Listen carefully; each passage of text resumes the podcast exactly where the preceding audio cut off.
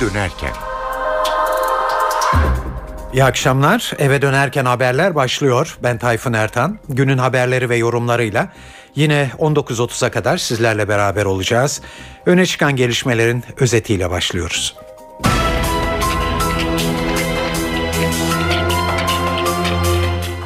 İmralı sürecinde Ankara'da iktidar ve muhalefet arasındaki ilişkiler gerginleşti. Başbakan yardımcısı Bozdağ CHP'yi sürece destek olmamakla eleştirdi. CHP ise hükümetin bilgi vermemesinden şikayetçi. Güneydoğu'dan sivil toplum örgütleri süreci desteklediklerini açıkladılar ve tarafları yapıcı olmaya çağırdılar. 60 yaşında hayata veda eden sanatçı Müslüm Gürses sevenleri tarafından son yolculuğuna uğurlandı. Oğlum bak git davasında karar çıktı. Kavga etmeye kışkırtılan temizcilik temizlik işçisi para cezasına çarptırıldı. Almanya Dışişleri Bakanı Patriot füzeleriyle birlikte gelen Alman askerlerinin yaşam koşulları ile ilgili olarak dost olarak ağırlanmak istiyoruz sözleriyle eleştiride bulundu. Ve İngiltere Kraliçesi 2. Elizabeth rahatsızlandı. 86 yaşındaki kraliçe mide ve sindirim sistemindeki iltihap nedeniyle hastaneye kaldırıldı.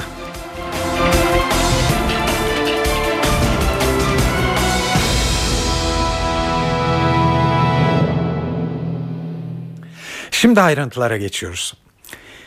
Evet İmralı görüşmeleri yine gündemin en üst sırasında. Geçen hafta İmralı ve Ankara süreçte odak noktasıydı. Bu kez ağırlık merkezi Kuzey Irak ve Avrupa'ya kaymış durumda. Abdullah Öcalan'ın mektubunun muhataplarına ulaşmasının ardından artık yanıtlar bekleniyor.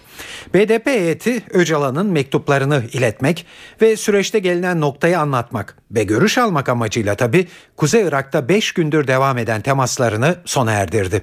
Heyet temaslarının son gününde bölgesel Kürt yönetiminin başbakanı Necirvan Barzani ile görüştü. Bu görüşme sonrasında taraflardan açıklamalar geldi. BDP kanadından Ahmet Türk süreç konusunda temkinli konuştu. Devletin çözüm konusunda nasıl bir yol izleyeceği net değil, kuşkularımız var dedi. Neçirvan Barzani ise sorunun çözümü için üzerimize düşeni yapacağız diye konuştu. Ayrıntıları NTV muhabiri Korhan Varol anlatıyor temaslarına olan da şüphe yok ki çözüm süreci yer alıyor. Tıpkı Süleymaniye'de olduğu gibi parti liderleriyle görüştü buradaki heyet ve son durağı bugün Barzani'ydi. Kürdistan Demokrat Partisi Başkan Yardımcısı aynı zamanda Kuzey Irak Bölgesel Kürt Yönetimi Başbakanı Neçirvan Barzani ile görüştü heyet görüşmenin ardından ortak bir basın açıklaması yaptılar. Öncelikle şunu söyleyeyim. Neçirvan Barzani sürece destek verdiklerini söyledi ve gereken rolümüzü oynarız dedi. Ardından mikrofona Ahmet Türk geçti. BTKS Başkanı ve net konuştu. Açıkçası benim endişelerim var dedi Ahmet Türk neler yapılacağı konusunda beklentimiz var. Neyin yapılıp neyin yapılamayacağının belli olacağı bir süreç yaklaşıyor. Benim de kuşlarım var. Devlet çözüm konusunda nasıl bir yol haritası koyacağı konusu henüz netleşmiş değil dedi DTK eş başkanı. Buradaki yerel gazetecilerin de ilgisi vardı, yoğun ilgisi vardı buradaki görüşmelere ve onlardan bir soru geldi. Zaten basın toplantısı dönemi Kürtçe gerçekleşti. PKK'nın silahlarını bırakma konusundaki soruya Ahmet Türk verdiği cevapta şöyle konuştu. İkide bir silahların bırakılması gündemi getirilirse eğer süreç sağlıklı işlemez dedi. Zaten barış gelirse silahlar zaten bırakılır dedi. Ancak şunu da ekledi. Bizler siyasetçiyiz. Silahlarla bizim alakamız yok dedi. Demokratik Toplum Kongresi eş başkanı Ahmet Türk. Bu temasların ardından Kuzey Irak'taki temaslar sona erdi. Aslında karayoluyla döneceklerdi Türkiye'ye ancak Çırvan Barzani bir jest yaptı buradaki heyete bir özel uçak tavsiye etti ve bu özel uçakla da heyet Türkiye'ye döndü. Evet, İmralı süreci Güneydoğu bölgesindeki sivil toplum kuruluşlarından destekleniyor. 159 STK'nın ortak açıklamasında görüşmeler sürmeli, süreci akamete uğratacak adımlardan uzak durulmalı dendi. Ayrıntıları NTV bölge temsilcisi Nizamettin Kaplan anlatıyor. Başlayan barış süreciyle ilgili bugün Diyarbakır'da bazı sivil toplum örgütleri bir araya geldi ve ortak bir açıklama yaptılar. Ortak açıklamada başlatılan sürece sivil toplum örgütleri destek verdiklerini açıkladılar. Bu açıklama metninin altına 159 sivil toplum örgütü imza attı ve açıklamayı İnsan Hakları Derneği Diyarbakır Şube Başkanı Raci Bilici yaptı. Bilici İmralı sürecinden umutlu olduklarını ve destek verdiklerini e, yineledi. Sivil toplum kuruluşları olarak süreçte görev almak istediklerini de belirtti Raci Bilici ve bu sürecin başlaması Türkiye genelinde özellikle de bölgemizde bir umut yaratmıştır dedi. E, Bilici kamuoyunda uzun süre tartışma konusu olan e, görüşme tutanaklarının basına sızdırılması konusuna da eleştiri getirdi. Yine yürütülen askeri operasyonlar ve Kandil'e yönelik düzenlenen hava saldırılarının da sürece zarar verdiğinin altını çizdi. Bir başka e, konu ise STK'ların gündeminde olan halen PKK'nın elinde bulunan kamu görevlilerinin ailelerine kavuşması konusuydu. E, bu konuda e, İHADE Başkanı buradaki sivil toplum örgütleri olarak görev almaya hazır olduklarını söyledi ve bu anlamda da daha önce çağrılarda bulunduklarını belirttiler. Bu çağrılarını bir kez daha yenilediler ve örgütün elinde bulunan kamu görevlilerinin serbest bırakılmasını istediler. E, ayrıca kamu görevlilerinin e, alınması konusunda kendilerinin de ara bulucu olabileceklerinin altını çizdiler. Diyarbakır'daki STK'lar e, sürecin sabote edilmemesi yönünde tarafların daha dikkatli olması uyarısında bulundu. Ben Nizamettin Kaplan NTV Radyo Diyarbakır. Evet şimdi Ankara'ya dönelim. Siyaset dünyasında bu konuda neler oluyor? Ankara'da iktidar ve muhalefet karşılıklı suçlama içindeydiler bugün. Hükümet muhalefetin yeterince destek vermediği düşüncesinde. Başbakan yardımcısı Bekir Bozdağ, CHP'nin öneri sunmadığını, sadece eleştiri getirdiğini söyledi. Bozdağ, süreç olumlu sonuçlanırsa herkesin kazançlı çıkacağını, bu nedenle tüm siyasi partilerin kendilerine destek olması gerektiğini söyledi. Cumhuriyet Halk Partisi samimi davranmıyor. Çözüm süreci Türkiye için hayırlı bir sonuç doğurduğunda bundan CHP de kazançlı çıkacaktır. MHP de kazançlı çıkacaktır. AK Parti de BDP de bütün Türkiye bundan kazanacaktır. Böylesi bir ortamda Cumhuriyet Halk Partisi Genel Başkanına düşen şey bu sürecin arkasında olduğunu ifade edip sürece destek vermektir. Ama maalesef görüldüğü gibi süreç içerisinde ortaya çıkacak bazı tartışmalı şeyler olduğunda hemen oradan hükümeti eleştirmeye, bu süreci olumsuz etkileyecek yaklaşımlar ortaya koymaya, buradan bir siyasal rant devşirmeye dönük yaklaşımları ortaya koyuyorlar. Tabii bu kredi açma iradesinin gayri samimi bir irade olduğunu da gösteriyor. Türkiye Büyük Millet Meclisi'nde bu konuda defalarca görüşmeler yapıldı. Ama maalesef hükümeti eleştirmekten başka bir sonuç ortaya koymadı. Her görüşmeyi hükümeti eleştiri yönetmek için bir fırsat olarak görüyorlar. Buradan bütün partilere hem Cumhuriyet Halk Partisi'ne hem diğer partilere şu çağrıda bulunuyorum. Çözüm iradesine ve çözüm sürecine hep beraber sahip çıkalım. Türkiye terörün bittiği, kanın durduğu, gözyaşının dindiği bir ortama kavuştuğunda daha güçlü olacaktır. Bu süreç içerisinde millete rağmen bir şey olması söz konusu değil. Evet iktidarın eleştirdiği CHP ise sürecin şeffaf yürütülmediği kanısında. Genel Başkan Kemal Kılıçdaroğlu İmralı tutanakları üzerinden iktidarı eleştirdi. Başbakan Erdoğan'ı açıklama yapmaya çağırdı. Kılıçdaroğlu bir tarafın görüşünü öğrendik ama diğer taraf hala konuşmuyor dedi. Türkiye Cumhuriyeti tarihinin en utanç verici belgelerinin basında yer almasının üzerinden tam beş gün geçti. Bu tutanakların basına yansımasından sonra sabırla ve ısrarla soruyorum. Ortaklardan biri olan Abdullah Öcalan bugüne kadarki süreci açıkladı. Sıra diğer ortakta. Yani Abdullah Öcalan'ın bu süreçteki ortağı Sayın Recep Tayyip Erdoğan. Tayyip Erdoğan konuşmayacağım diyor. Böylece millete saygı duymadığını açıkça ifade ediyor. Tutanaklar doğruysa biz bu tutanaklar niçin yayınlandı, nasıl yayınlandı diye bir arayış içine girmeden Sayın Başbakan'ın bu tutanaklarla ilgili görüşlerini kamuoyuyla paylaşmasını istiyoruz. Demokrasilerde bu da bizim en doğal hakkımız. Millet kendi kaderi üzerinde yapılan pazarlık ve anlaşmaları terör örgütü liderinin ağzından öğrenmek gibi bir zillete mahkum edildi. Tayyip Erdoğan olayın iç yüzüyle ilgili en küçük bir açıklama yapmış değil. Söylediği tek şey var. Bana güvenin. Bu talep Tayyip Erdoğan'ın milletimizden şu ana kadar istediği en orantısız talep. Tayyip Erdoğan Abdullah Öcalan'la senelerdir sürdürdüğü görüşmeler hakkında kesintisiz olarak millete yalan söylemiştir. Bu sürecin en büyük yalancısının millete dönüp ben size bilgi vermeyeceğim ama siz bana güvenin diyerek milletten güven dilenmesi trajikomik bir taleptir. Açıkça söylüyoruz. Kardeşim biz sana güvenmiyoruz. Bu konuda millete yüzde yüz yalan söylemiş birisin. Bu konuda sicilin bozuk ve güvenilecek en son kişisin. En küçük bir güveni bile hak etmiyoruz. Yarın grupta bir kez olsun çık adam gibi bu millete doğruları söyle. Milliyetçi Hareket Partisi'nden de eleştiriler geldi ve eleştiri dozu bir hayli yüksekti. Partisinin görüşlerini Ankara Milletvekili Özcan Yeniçeri dile getirdi. Başbakan Erdoğan ve AKP Öcalan'ın imaj maker haline gelmiştir.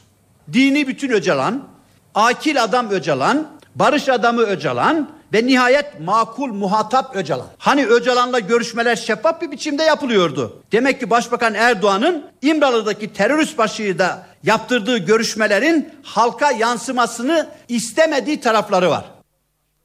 Evet, hükümetle muhalefet arasındaki bu gerginliği süreci yakından takip eden bir siyasi gözlemcinin değerlendirmesini istedik. Hürriyet gazetesi yazarlarından Şükrü Küçükşahin'in görüşleri şöyle. Muhalefete baktığımızda sürecin nasıl işlediği konusunda çok bir bilgi sahibi değiller. Yani bu sürece mutlaka hiç değilse ana muhalefet liderinin bilgilendirme bazında hem de özel bilgiler bazında e, katılması gerekiyor. Eğer orada bir zafiyet görülürse o zaman tabii bir tavır alınabilir. Bence o noktada samimiyet testini öncelikle e, hükümetin vermesi gerekiyor. Diğeri haksızlık olur. Muhalefet yani bilmeden neye destek verecek? Evet kan dökülmesine zaten herkes e, dur denmesini istiyor. Ama bu noktada sadece e, Öcalan e, ve PKK çevreleri konuşuyor. Hükümet bu noktada bence e, ittifakları genişletecek bir politika izlemeli ve biraz dönüp kendisine bakmalı. Acaba e, biraz daha kucaklayıcı e, en azından bilgilendirme bazında muhalefeti yanıma alabilir miyim diye bakması lazım. Bu süreç evet hassas bir süreç. E, takdir etmek gerekir. Sonuçta siyasi partiler iktidara gelmek için ve oy oranlarını arttırmak için siyaset yapıyorlar. Bu anlamda ben AK Parti'yi anlamıyor değilim. Ama eğer e, size destek verilmesini istiyorsanız muhalefetten o zaman siz de ne yapacağınızı ana hatlarıyla oraya hiç değilse bildiriniz. Yani meclis de bir kapalı oturum 550 kişinin 10 kapalılığı falan kalmaz. Bu bir gerçek. Ama ana muhalefet lideri hiç değilse temel bazda bilgilendirilebilir. Nasıl ki bütün riskleri AK Parti'nin e, üstlenmesi e, eğer hakkaniyet olmazsa e, muhalefetin e, ölçüsüz, sınırsız ve de hiçbir şeyi bilmeden desteğini istemek de o kadar haksızlık olacaktır. Yani Peki. meclis kapalı oturumunu kastetmiyorum. Çok özel bilgilendirmeden söz ediyorum.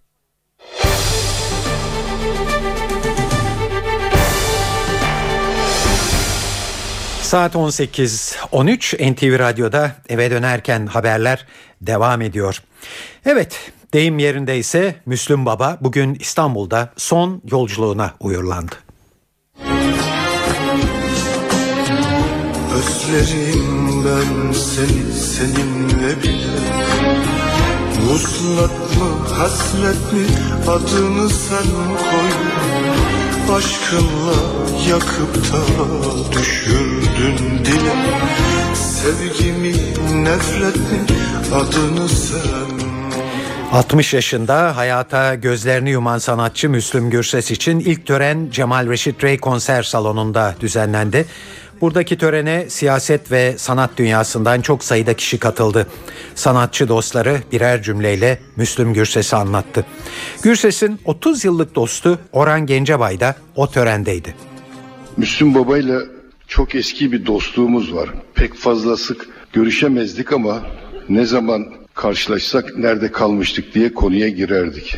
Bu dünyada herkes bir görev yapar. Her şeyin bir nedeni mutlaka vardır. Pirimiz Hazreti Mevlana der ki hizmet erlerine yol açın. Onlar bize hizmet edecekler. Onları sevelim, koruyalım ki hizmetlerini yapabilsinler. Der arkasından şunu da söyler. Hizmetini iyi yapana şükranlarımız var. Allah razı olsun. Allah gani gani razı olsun der. Yani görev üstlenen kişi görevini iyi yapıyorsa ne mutlu ona ve bizlere diye söylemek istemiştir pirimiz. Dolayısıyla sevgili Müslüm kardeşim bu dünyadaki görevini en üst düzeyde kendine has bir şekilde fevkalade yaptı ve göçtü. Görevini iyi yapanların, sevenlerin bu dünyadan göçmesi halinde onlar başka bir sevgiliye kavuşacakları için asıl sevgiliye kavuşacakları için üzgün değiller diye düşünüyorum. Allah gani gani rahmet eylesin. Müslüm Baba her zaman için bizim kalbimizde yaşayacak. Yunanistan Başbakanı Andonis Samaras günübirlik bir ziyaret için İstanbul'a da, İstanbul'a geldi. Samaras burada önce Cumhurbaşkanı Abdullah Gül, sonra Başbakan Erdoğan'la görüştü. Türk-Yunan ilişkilerinin önümüzdeki yıllardaki seyri açısından büyük önem atfediliyor bu ziyarete ve Kıbrıs sorunundan ticari ilişkilere kadar birçok başlık ele alındı.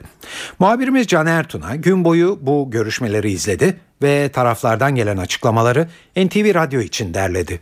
Yüksek düzeyli stratejik işbirliği toplantısındaki imza töreninin hemen ardından yapıldı basın toplantısı 25 ortak anlaşmaya ve protokole imza konuldu. Oldukça geniş bir yelpazeden bahsediyoruz. Turizmden kültüre, sağlıktan yasa dışı göçe kadar iki ülke birçok konuda işbirliğini artırma ortak çalışma kararı aldı. Basın toplantısında en çok dikkat çeken konu son dönemlerin sıcak gündem maddesi münhasır ekonomik bölge ile ilgili tartışmalar. Türkçeleştirmek, sadeleştirerek anlatmak gerekirse Yunanistan'ın Ege Denizi'nde ve Doğu Akdeniz'de petrol ve doğal gaz arama çalışmalarını artırmak, başlatmak için ilan etmeyi gündeme getirdiği bir ekonomik bölge söz konusu. Bu iki ülke arasındaki güncel rahatsızlık konusuydu ancak olumlu mesajlar verildi. Özellikle Başbakan Erdoğan bu konuda birlikte çalışmaya, bu konuda işbirliği yapmaya hazırız dedi. İki tarafın da kazanacağı bir kazan kazan stratejisi üzerinde durulabilir dedi. Yunan Başbakanı'nın bu konudaki yorumu uluslar huk uluslararası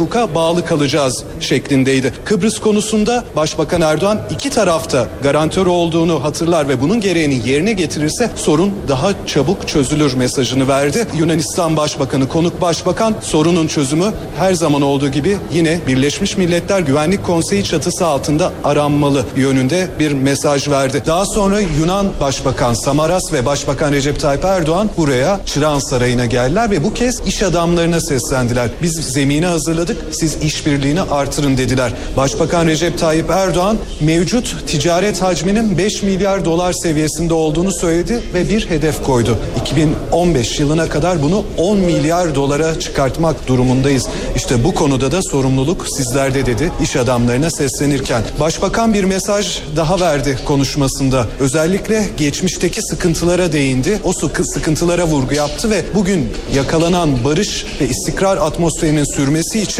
Türkiye'nin geçmişte sorunlar yaşadığı, geçmiş yüzyılın sonlarında özellikle savaştığı her ülkeyle barış tesis ettiğini belirtti. Ancak acıları, elemleri sıcak tutan kin ve nefret politikası, intikam politikası güden ülkelerle bunu başaramadık dedi. Bu süreçten o ülkeler de kaybetti. Kalkınmalarında eksiklikler yaşadılar, sorun yaşadılar dedi ve Yunanistan kamuoyuna, Yunanistan hükümetine biraz da artık geçmişe bir son veren, geçmişteki acıları gündeme getirmeyelim mesajı verdi. Siyasi partilerin faaliyetlerini izlemekle görevli Yargıtay Cumhuriyet Başsavcılığı 75 bin kişinin hem AK Parti hem de CHP'de üye kaydı olduğunu tespit etti. Başsavcılık CHP ve AKP'ye bu durumdaki partililerin üyeliklerini düşürmesi için uyarıda bulundu. CHP ise bu gelişme nedeniyle AKP'yi suçladı. CHP yönetimi iktidar partisinin fazla üye göstermek adına kimlik numaralarıyla mükerrer üye kaydı yaptırdığı iddiasında. Ana muhalefet suç duyurusunda bulundu. Genel Başkan Yardımcısı Nihat Kaplan anlattı. AK Parti kendi il başkanlarına bir nevi teşvik koymuş. Ne kadar üye sayısınızı arttırırsanız biz sizi o kadar önemseyeceğiz şeklinde. Hemen hemen il başkanları her yerden sadece vatandaşlık kimlik numarası alıp kayıtlar yapıyor. Böyle olunca da imza atan da atmayan da kendini bir anda partili görüyor, kaydı gidiyor. Yargıtay Cumhuriyet Başsavcılığına giden kayıt eğer bir başka yerde de kayıt varsa iki partiden de düşme oluyor. Yani resmen imzasını almadan AKP'lilerin üyelik formatı için gereken işlemleri yapmadan yaptıkları bir işlem. Peki siz bir suç duyurusunda bulunacak mısınız? Evrakta sahtecilik e? Sayın Keskin, Sayın Tamaylıgil e, bu konuda gerekli işlemleri yaptılar, hukuksal işlemleri de başlattılar.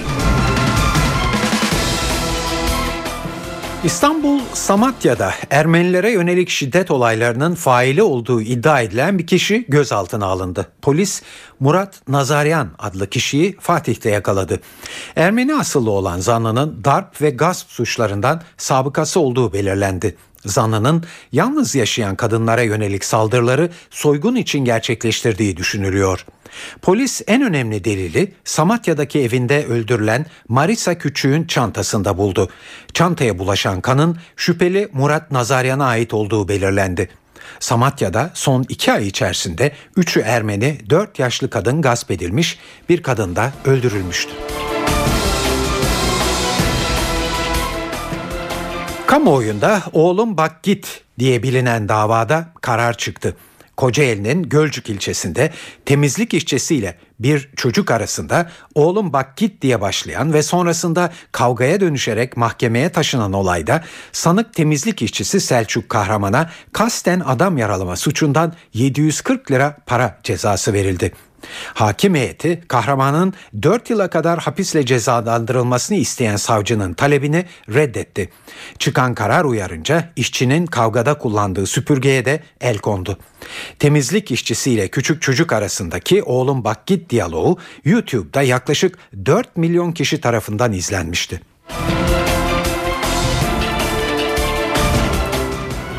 Pasaporttan sonra araç plakaları da çipli oluyor.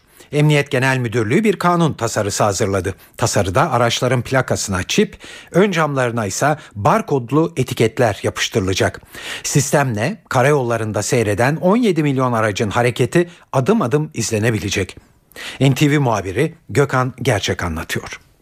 Suç ve suçluyla mücadelede teknolojik yöntemler kullanıyor Emniyet Genel Müdürlüğü. Bunu daha da geliştirme amacında özellikle suçların yakalanabilmesi için yeni yöntemler geliştiriliyor. Bunlardan bir tanesi çipli plaka sistemi. Bu sisteme göre her aracın bir kimliği olacak. Türkiye çapında 17 milyon üzerinde araç trafikte seyrediyor. Bu araçların tümünün plakası değişecek. Benzersiz birer kimlik kartı yerine geçen çip takılacak plakalar aynı zamanda araçların ön camına da birer barkod yapıştıracak. Amaç radyo frekans yöntemiyle trafikte seyreden bütün otomobillerin, araçların adım adım takip edilebilmesi. Mobese sistemlerine entegre çalışacak bir sistem. Suça karışmış bir araç nereden geçerse geçsin Mobeseler tarafından gidiş güzergahı, giriş güzergahı tüm güzergahları tek tek edilebilecek. Bu da hırsızlıklara, terörle mücadeleye karşı, ölümlü kazalara karşı alınabilecek önemli önlemler arasında yer alıyor. E, güvenlik gerekçesiyle çipler Emniyet Genel Müdürlüğü tarafından üretilecek ve uzmanlar tarafından takılacak araçlara. Tabii bu çalışmanın taslak metin olduğunu söyleyebiliriz. Kanun tasarısı sadece e, bunun bakanlık tarafından da kabul görmesi gerekiyor. Oldukça da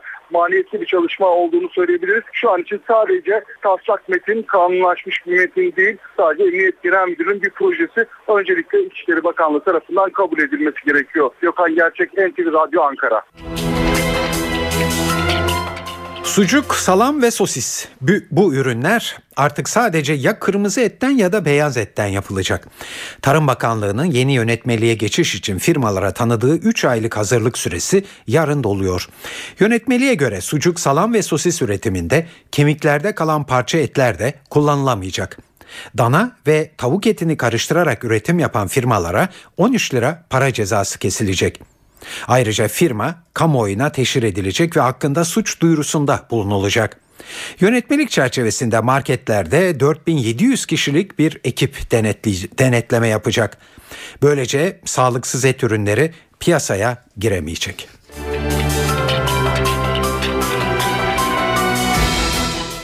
Türkiye iki yıl sonra Zenginler Ligi'ne girecek. Açıklama Kalkınma Bakanı Cevdet Yılmaz'dan geldi. Bakan Yılmaz, kişi başına milli gelirin 2015 yılında 13 bin doları aşacağını söyledi. Bu rakam uluslararası ölçütlerde zengin ülkeler sınıfına girmek için eşit, eşik kabul ediliyor. Dünya Bankası'nın bir ölçütü var. 13 bin dolar civarında. 13 bin doları geçtiğiniz zaman zengin ülkeler sınıfına girmiş oluyor. Yani birinci lige bir anlamda ilk adımınızı atmış oluyorsunuz. Türkiye şu anda o kritik eşiğe yaklaşmış durumda. 2015-2016 döneminde inşallah Türkiye 13 bin dolarları görecek ve bu şekilde Zenginler Ligi'ne alt sırasından da olsa katılmış olacak. Türkiye her halükarda zenginleşecek ama çözüm süreci buna tabii ki bir ivme katacak. Gelişmiş ülkelerin tuzu kuru tabiri caizse. Onlar zenginleşmiş durumda. Şimdi bütün dünyaya nüfus planlaması diyorlar. Kenan Evren iki çocuk yeter gibi kampanyalar yürütmüş. İşte şimdi onların sonuçlarını bugün yaşıyoruz. Bugün doğurganlık hızımız kendi nüfusumuzu yenileme hızımızın gerisine düşmüş durumda. Bunu bizim ne yapıp edip arttırmamız lazım.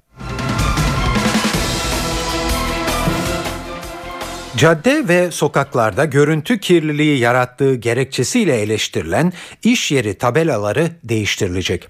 Çevre ve Şehircilik Bakanlığı bu konuda çalışma başlattı. Tabelalar boyutundan yazı tipine kadar belirlenen şartlara göre hazırlanacak. NTV muhabiri Ercan Gürses anlatıyor. Çanak antenlerden sonra iş yeri ve reklam tabelalarına da yeni düzenleme geliyor. Çevre ve Şehircilik Bakanlığı cadde ve sokaklardaki görüntü kirliliğinin giderilmesi için yeni bir çalışma başlattı. Bu yıl tamamlanıp 2014'te uygulamaya girmesi planlanan düzenleme ile iş yerlerinin tabelaları boyutundan yazı tipine kadar standart hale getirilecek. Demir, alüminyum, plastik ve tahta gibi farklı malzemelerden ışıklı ve ışıksız olarak yapılan tabelalara standart kazandırmak için şartlar getiriliyor. Tabela düzenlemesinde örnek modelse İstanbul Beyoğlu'ndaki İstiklal Caddesi olacak. Çevre ve Şehircilik Bakanı Erdoğan Bayraktar İstiklal Caddesi'ndeki ahşap tabela uygulamasının görüntü açısından bir ahenk yarattığını vurguladı. Bayraktar biri büyük diğeri küçük okunmayacak şekilde farklı yazıyla yapılmış değil daha anlaşılır ve göze hoş gelen tabelalar istiyoruz dedi. Bakan Bayraktar tabelaları düzenleme yetkisinin belediyelerde olduğunu hatırlattı. Ancak görüntü kirliliği açısından bakanlığın ceza kesme yetkisi olduğunu da vurguladı. Bakanlık tabelaların değiştirilmesi için belediyelere hem maddi hem de teknik destek verecek. Hazırlanan düzenleme belediyelere iletilecek. Değişim için de şartlı nakit desteği sağlanacak. Ercan Gürses, NTV Radyo Ankara. Evet bir son dakika gelişmesiyle devam edelim. Barış ve Demokrasi Partisi'nin bugün pazartesi günü olağan toplantısı vardı ve bu toplantı ardından bir 15-20 dakika kadar önce Parti eş başkanı Gülten Kışanak bir açıklama yaptı ve de gazetecilerin merak ettiği soruları yanıtladı. Bu sorulardan bir tanesi PKK'nın elindeki rehinelerin ne zaman serbest bırakılacakları sorusuydu. Kışanak soruyu şöyle yanıtladı. Yani bu konuda bir teknik hazırlık yapılması gerekiyor. Hem buradan gidip getirecek bir heyetin organize edilmesi hem de karşı tarafın bu konudaki hazırlıklarını tamamlaması gerekiyor. Ee, biz e, o günde paylaştık kamuoyuyla. E, bu konuda bir irade beyanı var. E, bize açıkça bu konuda hazırlıklarımızı başlattık. Çalışmalarımızı sürdürüyoruz. Tamamlandığında ki bunu da bir hafta on gün içerisinde tamamlamayı hedefliyoruz dediler. Bunların ailelerine kavuşmalarını temin edeceğiz. Para ve sermaye piyasalarındaki gelişmelerle devam edeceğiz. E, bugünkü son durumu CNBC'den Enis Şener'den anlatıyor. Küresel piyasalarda tedirginlik devam ediyor. Avrupa'daki İtalya belirsizliğine bugün bir de Çin'in emlak sektörüne dair aldığı tedbirler eklenince borsalarda düşüş devam etti. Avrupa'da kayıplar %1'lere yaklaşırken Wall Street'te güne düşüşle başladı. İMKB ise tüm yurt dışı olumsuzlukları göz ardı ediyor. Borsa bugün de olumlu ayrışarak günü %0.93 yükselişle 80.600 seviyesinden tamamladı. İMKB'deki alımlar bu kez sadece bankalarla da sınırlı kalmadı ve genele yayılan bir hareket gözlendi. Böylece borsa 6. günde üst üste yükselişe tamamlamış oldu. Analistler İMKB'de görünümün tekrar olumluya döndüğünü ve tepki hareketinin yükseliş trendine dönüşmeye başladığını söylüyor. Para piyasalarında ise Euro dolar paritesi 1.30 seviyesinde tutunma çabasında. Avrupa'dan gelen kötü haberler Euro'yu da olumsuz etkiledi. Euro dolar paritesi 1.30'da tutunuyor ancak gün içinde ara ara bu seviyenin altı test edildi. Dolar TL ise yatay bantta kalmaya devam ediyor. Kur günü 1.80'den tamamladı. Tahvilde ise sınırlı satış devam etti. Gösterge faiz günü %5.77'den tamamladı. Sırada hava durumu var. Bunun için de her akşam olduğu gibi yine NTV Meteoroloji Editörü Gökhan Abur'u dinliyoruz. Bu gece kuzey ve iç kesimlerde yarınsa yurt genelinde hava daha da soğuk olacak. Ama çarşamba günü Güney Ege ve Batı Akdeniz'de haftanın ikinci yarısı yurt genelinde sıcaklıkların nereden yükselmesini bekliyoruz. Yarın batıda yine yağış yok. Doğu Karadeniz ve doğuda ise yer yer kuvvetli olmak üzere devam edecek. Soğumayla birlikteki doğudaki yağışların karla karışık yağmur ve kar şeklinde olmasını bekliyoruz. Çarşamba günü doğuda yağış giderek etkisini kaybederken batı ve iç kesimlerde yer yer yoğun olmak üzere sis ve pus görülecek. Perşembe günü doğuda yağış beklemiyoruz. Batı bölgelerde lodos sonrasıyla birlikte yeniden yağışlar başlayacak ve bu yağışlar haftanın ikinci yarısı giderek etkisini artıracak. İstanbul yarın daha soğuk ve rüzgarlı olacak. Sıcaklık ise 6 derece civarında. Gece sıcaklığında 4 derecenin altına inmesini bekliyoruz. Ankara'da yarın parçalı bulutlu bir hava olacak ve oldukça soğuk. Gündüz sıcaklığı 4, gece sıcaklığı yer yer eksi 5 derecenin altına inecek. İzmir'de yarın hava açık ama soğuk, ayaz var. Sıcaklık ise 10 derece civarında olacak. Gece sıcaklığında 5-6 dereceler civarında olmasını bekliyoruz. Günün kısa bir özetini yapalım bizi arada dinlemeye başlamış olanlar için. İmralı sürecinde Ankara'da iktidar ve muhalefet arasındaki ilişkiler gerginleşti. Başbakan yardımcısı Bozdağ CHP'yi sürece destek olmamakla eleştirdi. CHP ise hükümetin bilgi vermemesinden şikayetçi. Güneydoğu'dan sivil toplum örgütleri süreci desteklediklerini açıkladılar ve tarafları yapıcı olmaya çağırdılar. 60 yaşında hayata veda eden sanatçı Müslüm Gürses sevenleri tarafından son yolculuğuna uyarlandı. Ve oğlum Bakkit davasında karar çıktı. Kavga etmeye kışkırtılan temizcilik işçisi para cezasına çarptırıldı.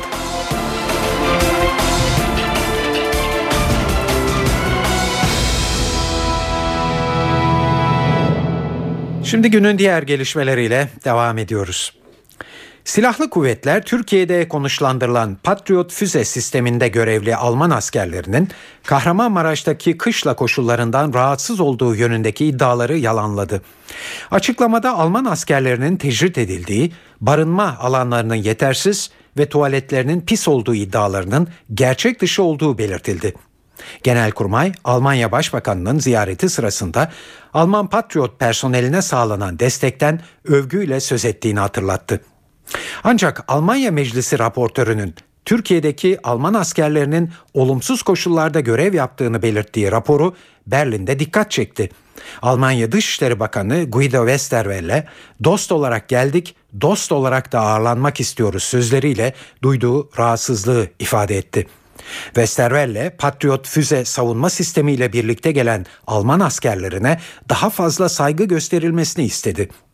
Almanya Dışişleri yetkililerinin de Türkiye ile temasa geçtiği ifade ediliyor. Kahramanmaraş'ta NATO komutasındaki Patriot sisteminin kullanılmasından sorumlu 300 Alman askeri bulunuyor.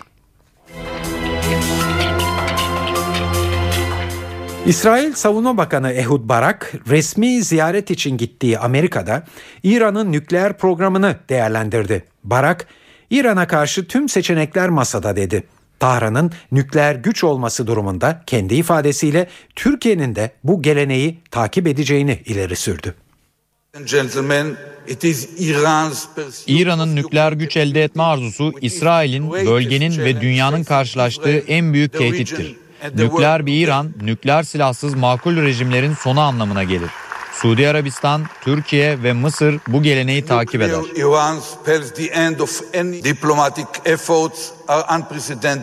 Tüm diplomatik çabalar anlaşılabilir. Ancak ben ayetullahların bir noktada nükleer hedeflerinden vazgeçeceklerine inanmıyorum. Bunun için tüm seçenekler masada. Bu konuda ciddiyiz. Mısır'da tansiyon düşmüyor. Port Said kentinde iki haftadır devam eden polis şiddetini protesto gösterilerinde kan döküldü. Polis taş atan 5000 göstericiye göz yaşartıcı gazla karşılık verdi. Olaylarda 4 kişi yaşamını yitirdi. 300'den fazla kişi de yaralandı. Çatışmalar ordunun göstericilerle polis arasına girerek duvar oluşturmasıyla son buldu. Çatışmalara sahne olan bir diğer yerde Tahrir Meydanı'ydı. Sivil polisler 3 aydır protestocuların oturma eylemi yaptığı meydanı trafiğe açmak isteyince ortalık karıştı. Protestocularla sivil polisler çatıştı ve olayların büyümesi üzerine polis Tahrir Meydanı'nı trafiğe açma girişiminden vazgeçti.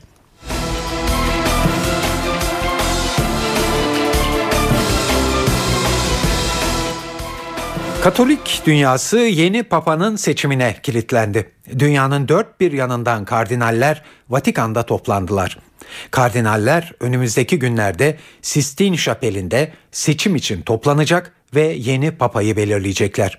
Yeni papanın seçiminde kamuoyuna sızıntı olmaması için yoğun güvenlik önlemleri de alındı. Kardinallerin seçim sırasında dışarıyla iletişim kurmalarının engellenmesi için cep telefonlarına el konuldu.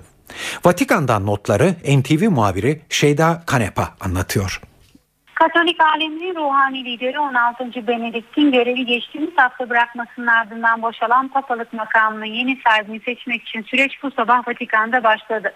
Yeni papayı seçmekle görevli kardinaller meclisini oluşturan 116 kardinal konklav olarak adlandırılan seçim süresi öncesi Vatikan'a geldi. Vatikan'ın tüm dünyadaki temsilciliklerinin en üst düzey yetkilisi olan 80 yaşını doldurmamış kardinaller bugün başlayan süreçte konklavın ne zaman başlayacağına dair karar verecek verecek. Yeni Papa'nın seçilmesi için resmen başlayacak tarihi kararlaştıracak olan Kardinaller Meclisi gün belirledikten sonra Vatikan Anayasası'na göre yüzyıllardır Papa seçimleri için oylamaların yapıldığı Sistina Şapeli'ne geçilecek. Tavanı İtalyan ressam ve heykeltıraş Michelangelo'nun tasvirleriyle süslü Sistina Şapeli'ne kapanan kardinallerin dış dünya ile tüm ilişkileri kesilecek. Camide yaşam boyu görevde kalan papaların ölümünden en az 15 gün sonra başlayacak konklav dönemi artık emerit papa olarak adlandırılan 16. Benedikt'in görevinden feragat etmesiyle normalde ölen papanın yaz dönemi olarak geçirilen sürecin çabuklaştırılıp yeni papanın seçimlerinin öne alınması öngörülüyor. Hatta 16. Benedikt halefinin seçileceği süreyi kısaltmak için görevinden ayrılmadan önce bir kanun hükmünde kararname bile hazırladı. Kardinaller Konseyi'nin oylama süreci için Sistina Şepeli'ne geçiş günü henüz resmi olarak açıklanmasa da başlangıç tarihinin 11 Mart pazartesi olacağına dair kuvvetli işaretler var. Ancak bu tarihin oylamaya katılacak bütün kardinaller tarafından onaylanması gerekiyor. Bazen haftalar alan oylama sürecinin ise çok kısa sürmesi ve ard arda gelen skandallar ile çalkalanan Vatikan'ın bir an önce bu hassas süreçte duruma el koyacak yeni bir ruhani lidere kavuşması bekleniyor. Hangi milletten olacağı merakla beklenen yeni papanın giyeceği kıyafet bile hazırlandı ve papanın elbiselerin diken terzinin vitrininde sergilenmeye başlandı. 1 Nisan tarihinde başlayacak olan Paskalya Bayramı öncesi yeni papanın görevine başlaması bekleniyor. 28 kardinal ile seçime giren İtalyanlar Polonyalı ve Alman bir papadan sonra Sistina Şapeli'nin bacasından çıkacak beyaz duman ile Katolik alemine müjdelenecek yeni papanın İtalyan olmasını biliyor. İngiltere Kraliçesi 2. Elizabeth rahatsızlandı. Kraliçe mide ve sindirim sisteminde iltihap nedeniyle Londra'da hastanede tedavi altına alındı. 86 yaşındaki kraliçenin sağlık durumuna ilişkin ayrıntıları BBC Türkçe servisinden Selin Girit'ten öğreniyoruz. Kraliçe Elizabeth dün hastaneye kaldırılmıştı. Buckingham Sarayı kraliçenin mide iltihabı belirtileri gösterdiğini ancak hemen hastaneye kaldırılmadığını dolayısıyla acil bir durum olmadığını söylüyorlar. Doktorların kendisini daha yakından tetkik edebilmesi amacıyla kraliçeyi hastaneye götürdüklerini belirtiyor ve bu sadece tedbiren atılmış bir adım diyorlar. Kraliçenin tedavi gördüğü Londra'daki Kral 7. Edward Hastanesi'nden gelen haberlere göre kendisinin sağlık durumu iyi, morali de yüksek. Kraliçe Elizabeth'in iki gün daha hastanede gözlem altında tutulması bekleniyor. Rahatsızlığı nedeniyle bu hafta katılacağı tüm etkinlikler ya iptal edilecek ya da ertelenecek. Kraliçe son olarak bundan 10 yıl önce dizindeki bir rahatsızlık nedeniyle hastaneye kaldırılmıştı. Bu kez de kısa süre içinde sağlığına kavuşmayabileceğini düşündürecek herhangi bir durum yok gibi görünüyor. AIDS'e yol açan HIV virüsünü taşıyan bebeklerin hastalıktan tamamen kurtulması mümkün olabilecek. Bunun ilk örneği Amerika Birleşik Devletleri'nde görüldü. Mississippi eyaletinde HIV virüsünü taşıyan bir bebek bir buçuk yıllık ilaç tedavisiyle virüsten arındırıldı. Doğum sırasında annesinin HIV virüsü taşıdığı anlaşılan bebeğin tedavisine doğduktan 30 saat sonra başlandı. Tıp tarihinde ilk kez bu kadar küçük bir bebeğe bir buçuk yıl boyunca gayet kuvvetli ilaçlardan oluşan standart HIV tedavisi uygulandı ve virüs bebeğin hücrelerine gizlenmeden yok edildi. Şu anda iki buçuk yaşında olan ve bir yıldır ilaç verilmeyen bebek artık tamamen sağlıklı. Bu örneğin dünya çapında her yıl HIV virüsüyle doğan 300 bin bebeğin tedavisine ışık tutacağı belirtiliyor.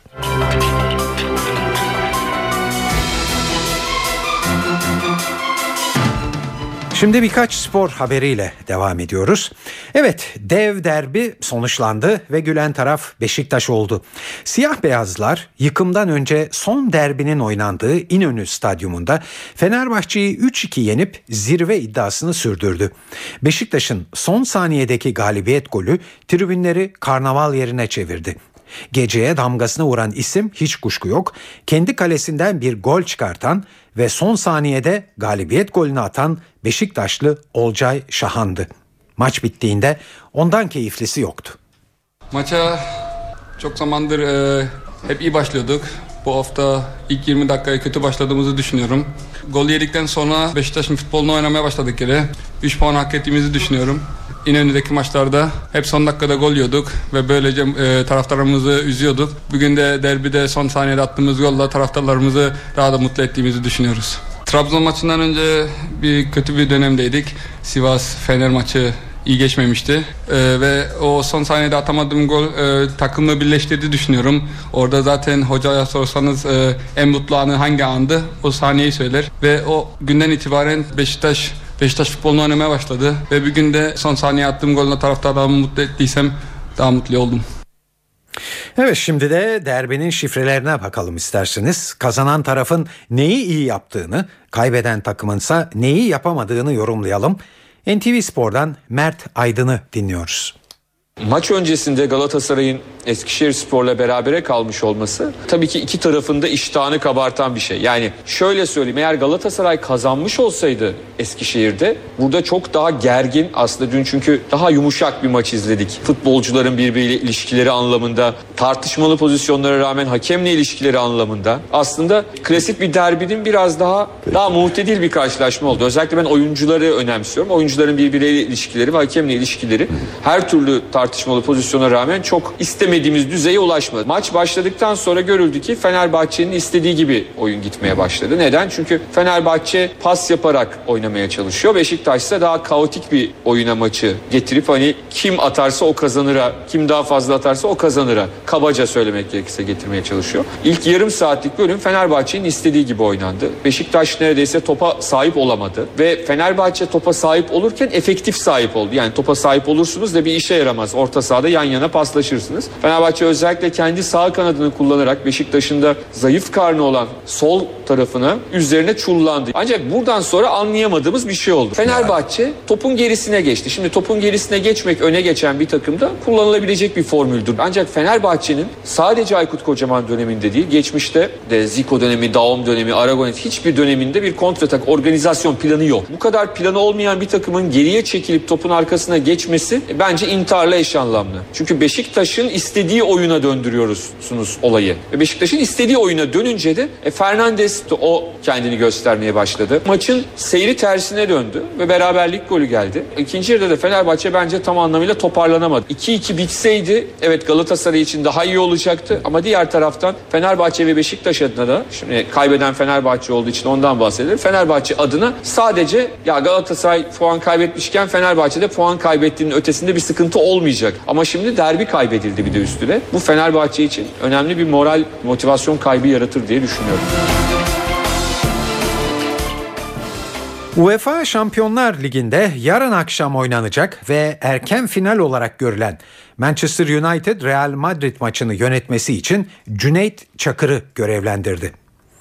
FIFA'nın seçkin hakemler kategorisinde yer alan Çakır, geçtiğimiz yaz Avrupa Futbol Şampiyonası'nda da Portekiz-İspanya yarı finalini yönetmişti. Bu zorlu maçta Çakır'ın yardımcılıklarını Bahattin Duran ve Tarık Ongun yapacak. UEFA ikinci tur rövanş maçlarında Cüneyt Çakır'ın yanı sıra Fırat Aydınus'u da görevlendirdi. Aydınus Juventus Celtic, Celtic karşılaşmasına atandı. Aydınus'un yardımcılığını Serkan Ok ve Alex Taşçıoğlu yapacak.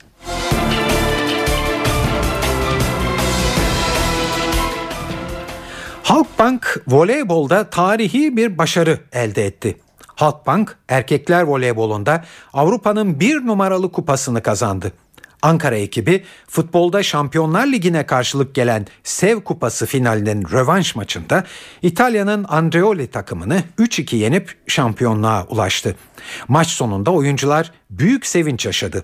Halkbank Başkanı Selahattin Süleymanoğlu ise şampiyonlukta emeği geçen herkese teşekkür etti. Başlangıçta bu kadar sonuca gideceğimizi beklemiyorduk ama gün geçtikçe buna inanmaya başladık. Ee, inanılmaz bir duygu. Hem kulübün 30. kuruluş yıl dönümü hem bankanın 75. kuruluş yıl dönümüydü. İkisine denk geldi.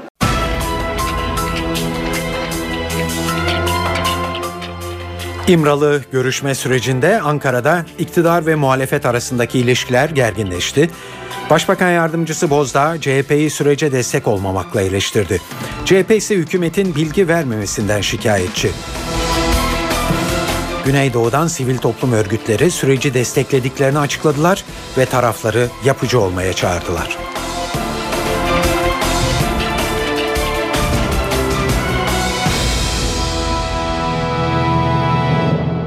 Bu konuda yeni bir gelişmeyle e, başlıyoruz. Bugün Barış ve Demokrasi Partisi'nin olağan toplantı günüydü ve parti eş başkanı Gülten Kışanak toplantı sonrasında gazetecilere açıklamalarda bulundu. Gazeteciler PKK'nın elindeki rehinelerin ne zaman serbest kalacaklarını sordular Kışanak'a. Kışanak'ın yanıtı şöyle oldu. Yani bu konuda bir teknik hazırlık yapılması gerekiyor. Hem buradan gidip getirecek bir heyetin organize edilmesi hem de karşı tarafın bu konudaki hazırlıklarını tamamlaması gerekiyor. Ee, biz e, o günde paylaştık kamuoyuyla. E, bu konuda bir irade beyanı var. E, bize açıkça bu konuda hazırlıklarımızı başlattık. Çalışmalarımızı sürdürüyoruz. Tamamlandığında ki bunu da bir hafta on gün içerisinde tamamlamayı hedefliyoruz dediler. Bunların ailelerine kavuşmalarını temin edeceğiz. BDP'den bir heyet Öcalan'ın mektuplarını iletmek ve süreçte gelinen noktayı anlatmak ve de görüş almak amacıyla Kuzey Irak'ta 5 gündür devam eden temaslarını sonlandırdı. Heyet temaslarının son gününde bölgesel Kürt yönetiminin başbakanı Neçirvan Barzani ile görüştü ve görüşme sonrası taraflardan açıklamalar geldi. BDP kanadından Ahmet Türk süreç konusunda temkinli konuştu. Devletin çözüm konusunda nasıl bir yol izleyeceği net değil, kuşkularımız var dedi. Neçirvan Barzani ise sorunun çözümü için üzerimize düşeni yapacağız diye konuştu. Ayrıntıları NTV muhabiri Korhan Varol anlatıyor.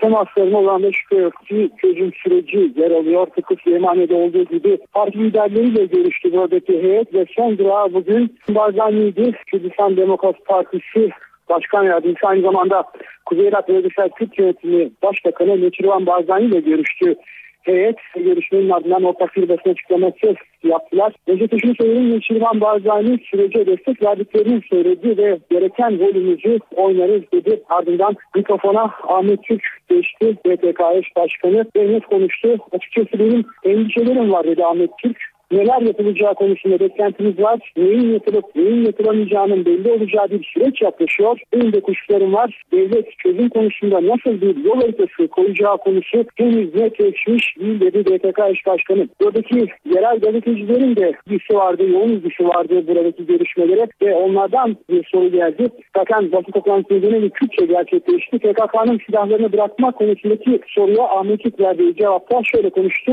İkide bir silahların bırakılması gündemi getirilirse eğer süreç sağlıklı işlemez dedi. Zaten barış gelirse silahlar zaten bırakılır dedi. Ancak şunu da ekledi. Bizler siyasetçiyiz. Silahlarla bizim alakamız yok dedi. Demokratik Toplum Kongresi eş başkanı Ahmet Türk. Bu temasların ardından Kuzey Irak'taki temaslar sona erdi. Aslında karayoluyla döneceklerdi Türkiye'ye ancak Çırvan Barzani bir jest yaptı buradaki heyete bir özel uçak tavsiye etti. Ve bu özel uçakla da heyet Türkiye'ye döndü.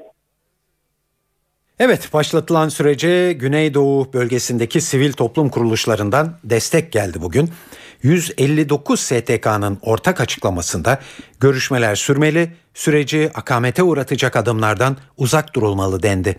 Ayrıntıları NTV bölge temsilcisi Nizamettin Kaplan anlatıyor.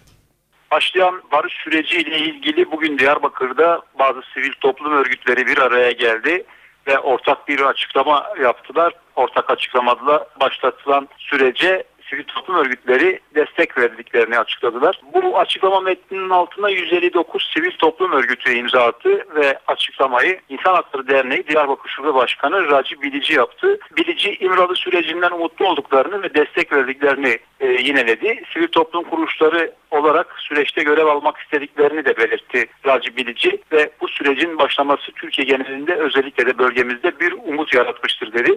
E, Bilici kamuoyunda uzun süre tartışma konusu olan e, görüşme tutanaklarının basına sızdırılması konusuna da eleştiri getirdi. Yine yürütülen askeri operasyonlar ve Kandil'e yönelik düzenlenen hava saldırılarının da sürece zarar verdiğinin altını çizdi. Bir başka e, konu ise STK'ların gündeminde olan halen PKK'nın elinde bulunan kamu görevlilerinin ailelerine kavuşması konusuydu. E, bu konuda e, İHA'de Başkanı buradaki sivil toplum örgütleri olarak görev almaya hazır olduklarını söyledi ve bu anlamda da daha önce çağrılarda bulunduklarını belirttiler. Bu çağrılarını bir kez daha yenilediler ve örgütün elinde bulunan kamu görevlilerinin serbest bırakılmasını istediler. E, ayrıca kamu görevlilerinin e, alınması konusunda kendilerinin de ara bulucu olabileceklerinin altını çizdiler. Diyarbakır'daki STK'lar e, sürecin sabote edilmemesi yönünde tarafların daha dikkatli olması uyarısında bulundu. Ben Nizamettin Kaplan NTV Radyo Diyarbakır. Ankara'da ise iktidar ve muhalefet arasında karşılıklı suçlamalar vardı bugün. Hükümet muhalefetin yeterince destek vermediği düşüncesinde. Başbakan yardımcısı Bekir Bozdağ CHP'nin öneri sunmadığını sadece eleştirdiğini ifade etti. Bozdağ süreç olumlu sonuçlanırsa herkesin kazançlı çıkacağını, bu nedenle tüm siyasi partilerin kendilerine destek olması gerektiğini söyledi. Cumhuriyet Halk Partisi samimi davranmıyor. Çözüm süreci Türkiye için hayırlı bir sonuç doğurduğunda bundan CHP de kazançlı çıkacaktır. MHP de kazançlı çıkacaktır. AK Parti de BDP de bütün Türkiye bundan kazanacaktır. Böylesi bir ortamda Cumhuriyet Halk Partisi Genel Başkanına düşen şey bu sürecin arkasında olduğunu ifade edip sürece destek vermektir. Ama maalesef görüldüğü gibi süreç içerisinde ortaya çıkacak bazı tartışmalı şeyler olduğunda hemen oradan hükümeti eleştirmeye, bu süreci olumsuz etkileyecek yaklaşımlar ortaya koymaya, buradan bir siyasal rant devşirmeye dönük yaklaşımları ortaya koyuyorlar. Tabii bu kredi açma iradesinin gayri samimi bir irade olduğunu da gösteriyor. Türkiye Büyük Millet Meclisi'nde bu konuda defalarca görüşmeler yapıldı.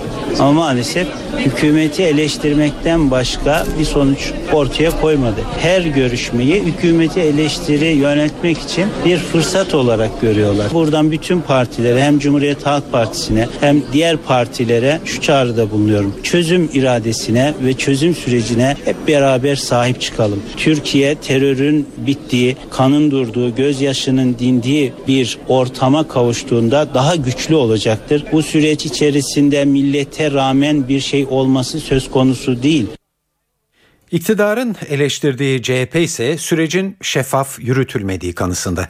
Genel Başkan Kemal Kılıçdaroğlu İmralı tutanakları üzerinden iktidara yüklendi ve Başbakan Erdoğan'ı açıklama yapmaya çağırdı. Kılıçdaroğlu bir tarafın görüşünü öğrendik ama diğer taraf hala konuşmuyor dedi. Türkiye Cumhuriyeti tarihinin en utanç verici belgelerinin basında yer almasının üzerinden tam 5 gün geçti. Bu tutanakların basına yansımasından sonra sabırla ve ısrarla soruyorum. Ortaklardan biri olan Abdullah Öcalan bugüne kadarki süreci açıkladı. Sıra diğer ortakta. Yani Abdullah Öcalan'ın bu süreçteki ortağı Sayın Recep Tayyip Erdoğan.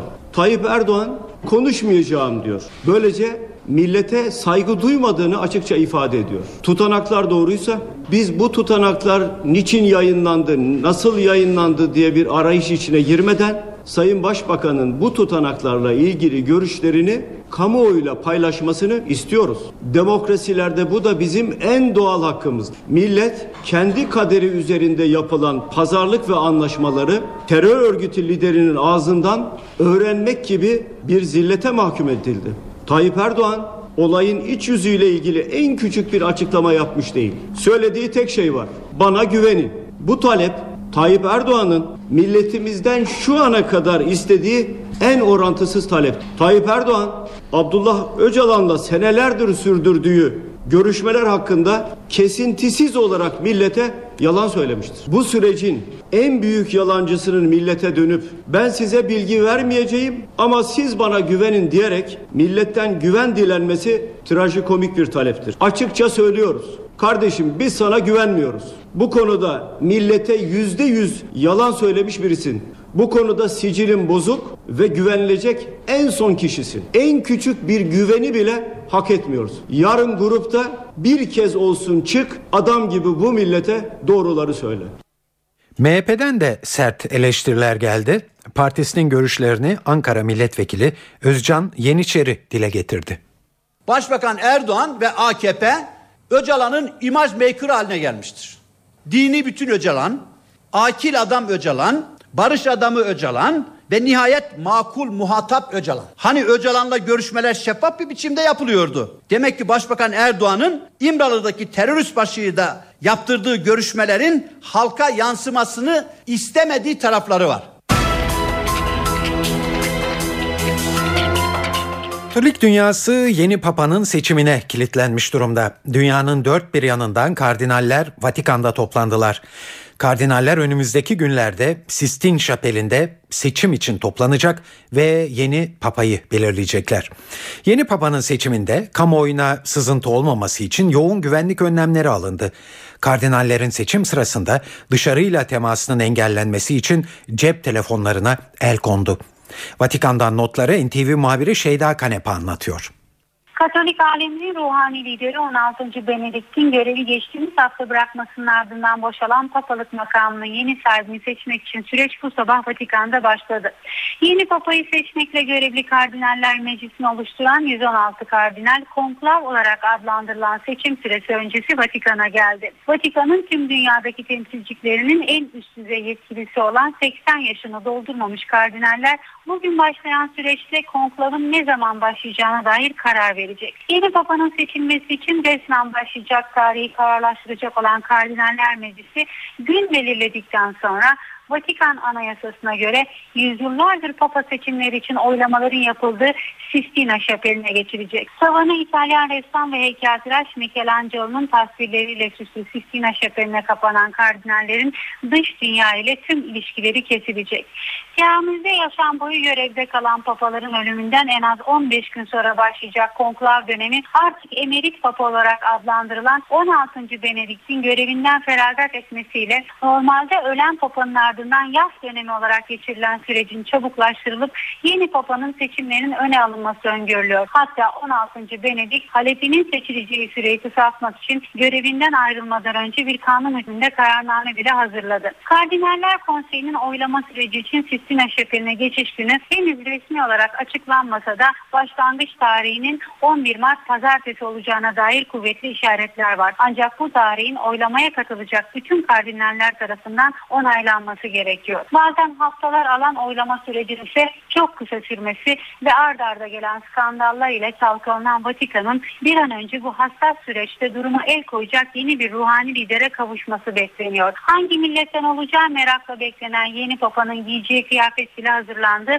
ve papanın elbiselerin diken terzinin vitrininde sergilenmeye başlandı. 1 Nisan tarihinde başlayacak olan Paskalya Bayramı öncesi yeni papanın görevine başlaması bekleniyor. 28 kardinal ile seçime giren İtalyanlar Polonyalı ve Alman bir papadan sonra Sistina Şapeli'nin bacasından çıkacak beyaz duman ile Katolik alemine müjdelenecek yeni papanın İtalyan olmasını biliyor. İngiltere'de ise e, Kraliçe 2. Elizabeth rahatsızlandı. Kraliçe mide ve sindirim sisteminde iltihap nedeniyle Londra'da hastanede tedavi altına alındı. 86 yaşındaki kraliçenin sağlık durumuna ilişkin notları BBC Türkçe servisinden Selin Girit'ten alıyoruz. Kraliçe Elizabeth dün hastaneye kaldırılmıştı. Buckingham Sarayı kraliçenin mide iltihabı belirtileri gösterdiğini ancak hemen hastaneye kaldırılmadığını dolayısıyla acil bir durum olmadığını söylüyorlar. Doktorların kendisini daha yakından tetkik edebilmesi amacıyla kraliçeyi hastaneye götürdüklerini belirtiyor ve bu sadece tedbiren atılmış bir adım diyorlar. Kraliçenin tedavi gördüğü Londra'daki Kral 7. Edward Hastanesi'nden gelen haberlere göre kendisinin sağlık durumu iyi, morali de yüksek. Kraliçe Elizabeth'in iki gün daha hastanede gözlem altında tutulması bekleniyor. Rahatsızlığı nedeniyle bu hafta katılacağı tüm etkinlikler ya iptal edilecek ya da ertelenecek. Kraliçe son olarak bundan 10 yıl önce dizindeki bir rahatsızlık nedeniyle hastaneye kaldırılmıştı. Bu kez de kısa süre içinde sağlığına kavuşmayabileceğini düşündürecek herhangi bir durum yok gibi görünüyor. Halkbank voleybolda tarihi bir başarı elde etti. Halkbank erkekler voleybolunda Avrupa'nın bir numaralı kupasını kazandı. Ankara ekibi futbolda Şampiyonlar Ligi'ne karşılık gelen Sev Kupası finalinin rövanş maçında İtalya'nın Andreoli takımını 3-2 yenip şampiyonluğa ulaştı. Maç sonunda oyuncular büyük sevinç yaşadılar. Halkbank Başkanı Selahattin Süleymanoğlu ise şöyle konuştu. Başlangıçta bu kadar sonuca gideceğimizi beklemiyorduk ama gün geçtikçe buna inanmaya başladık. Ee, inanılmaz bir duygu. Hem kulübün 30. kuruluş yıl hem bankanın 75. kuruluş yıl dönümüydü. İkisine denk geldi. Ben emeği geçen herkese teşekkür ediyorum.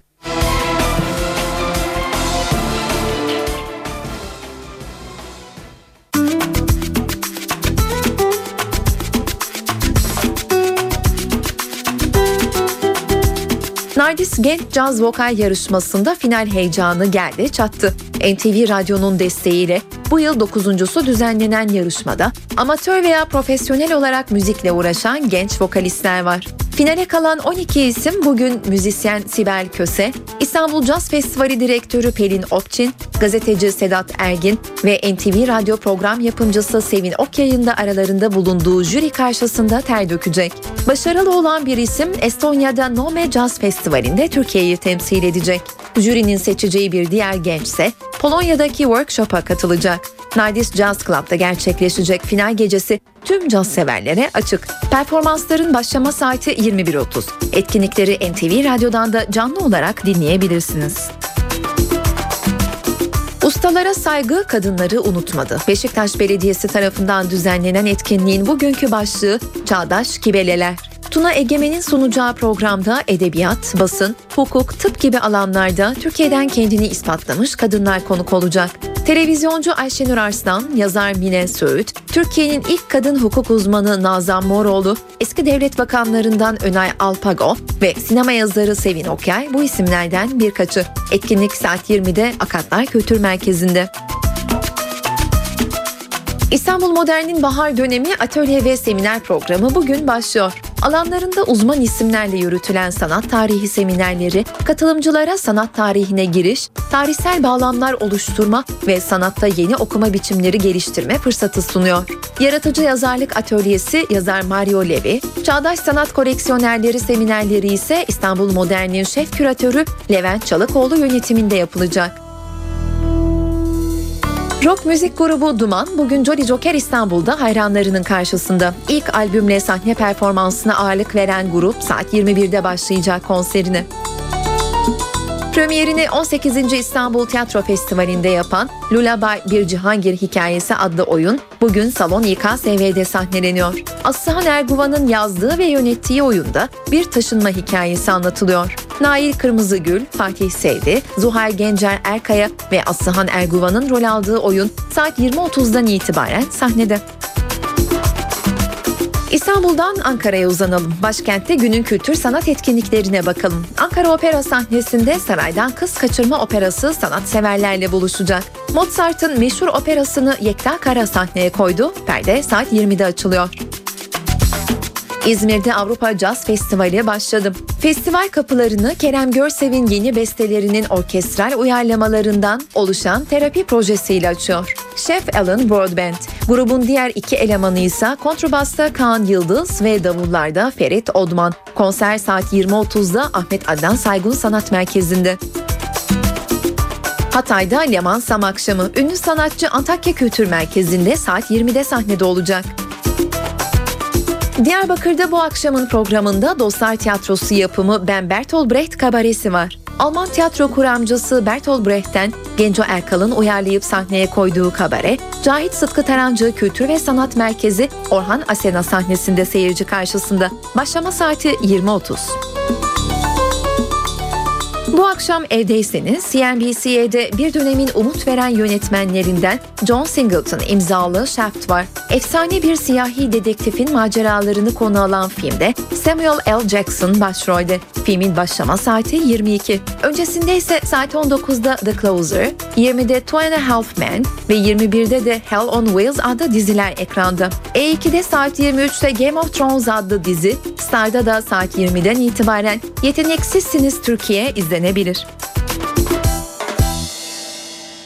Dönerken haberler bu akşam burada sona eriyor. Bu yayının editörlüğünü Sevan Kazancı, stüdyo teknisyenliğini İsmet Tokdemir yaptı. Ben Tayfun Ertan. Hepinize iyi akşamlar diliyoruz.